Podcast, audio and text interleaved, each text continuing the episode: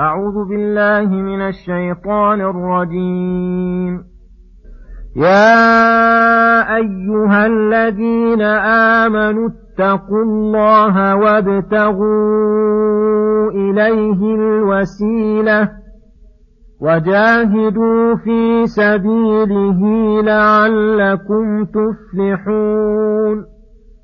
إن الذين كفروا لو أن لهم ما في الأرض جميعا ومثله معه ليفتدوا به من عذاب يوم القيامة ما تقبل منهم ولهم عذاب أليم يريدون أن يخرجوا من النار وما هم بخارجين منها ولهم عذاب مقيم. والسارق والسارقة فاقطعوا أيديهما جزاء بما كسبا نكالا من الله. والله عزيز حكيم. فمن تاب من بعد ظلمه وأصلح فإن الله يتوب عليه. إن الله غفور رحيم. ألم تعلم أن الله له ملك السماوات والأرض يعذب من يشاء ويغفر لمن يشاء والله على كل شيء قدير. بسم الله الرحمن الرحيم. السلام عليكم ورحمة الله وبركاته.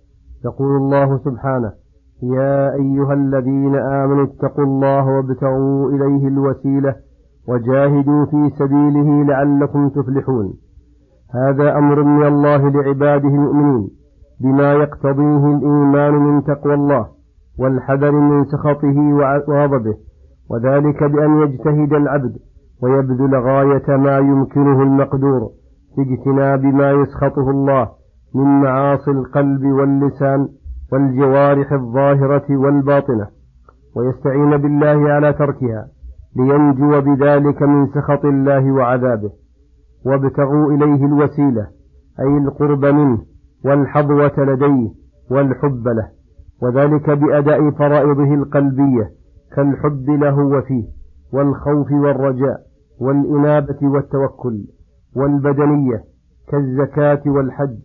والمركبة من ذلك كالصلاة ونحوها من أنواع القراءة والذكر ومن أنواع الإحسان إلى الخلق بالمال والعلم والجاه والبدن والنصح لعباد الله.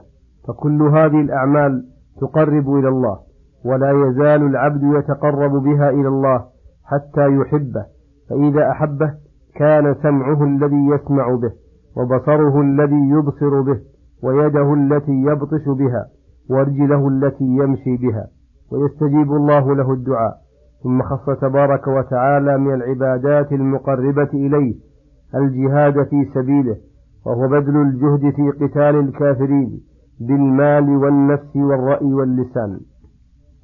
والسعي في نصر دين الله بكل ما يقدر عليه العبد لأن هذا النوع من أجل الطاعات وأفضل القربات.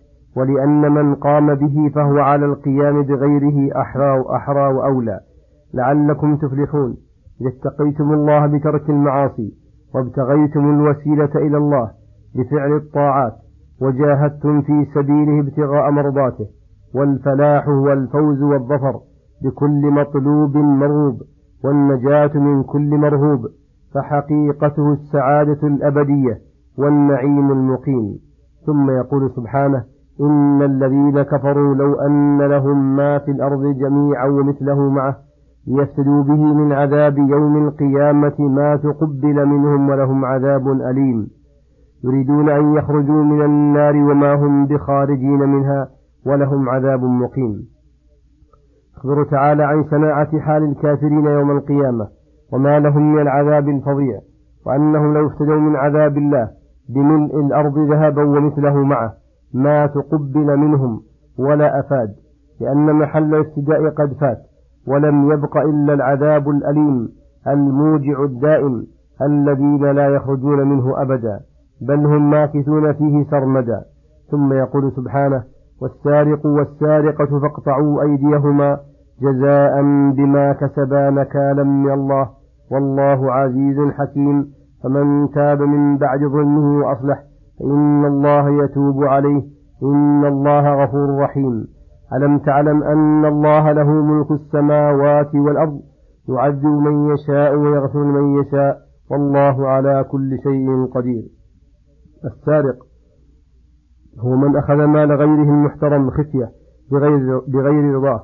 وهو من كبائر الذنوب الموجبة لترتب العقوبة الشنيعة. وهو قطع اليد اليمنى كما هو في قراءة بعض الصحابة. وحد اليد عند إطلاق من الكوع فإذا سرق قطعت يده من الكوع وحسمت في زيت لتنسد العروق فيقف الدم. ولكن السنة قيدت عموم هذه الآية من عدة أوجه. منها الحرز فإنه لا بد أن تكون السرقة من حرز وحرز كل مال ما يحفظ به عادة. فلو سرق من غير حرز فلا قطع عليه. ومنها أنه لا بد أن يكون مسروق نصابا وهو ربع دينار أو ثلاثة دراهم. أو ما يساوي أحدهما. فلو سرق دون ذلك فلا قطع عليه ولعل هذا يؤخذ من لفظ السرقة ومعناها. فإن لفظ السرقة أخذ الشيء على وجه لا يمكن احتراز منه وذلك أن يكون المال محرزا.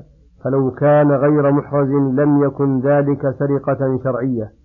من الحكمة أيضا ألا تقطع اليد ألا تقطع اليد في الشيء النزل التافه.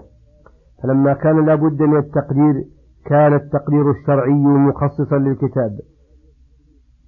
فلما كان لابد من التقدير كان التقدير الشرعي مخصصا للكتاب والحكمة في قطع اليد في السرقة أن ذلك حفظ للأموال واحتياط لها وليقطع العضو الذي صدرت منه الجناية. فإن عاد السارق قطعت رجله اليسرى فإن عاد فقيل تقطع يده اليسرى ثم رجله اليمنى فقيل يحبس حتى يموت. فقوله جزاء بما كسب أي ذلك القطع جزاء للسارق بما سرقه من أموال الناس.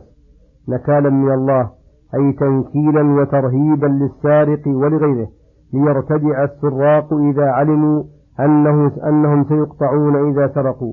الله عزيز حكيم أي عز وحكم فقطع السارق. فمن تاب من بعد ظلمه وأصلح إن الله يتوب عليه إن الله غفور رحيم. فيغفر لمن تاب فترك الذنوب وأصلح الأعمال والعيوب.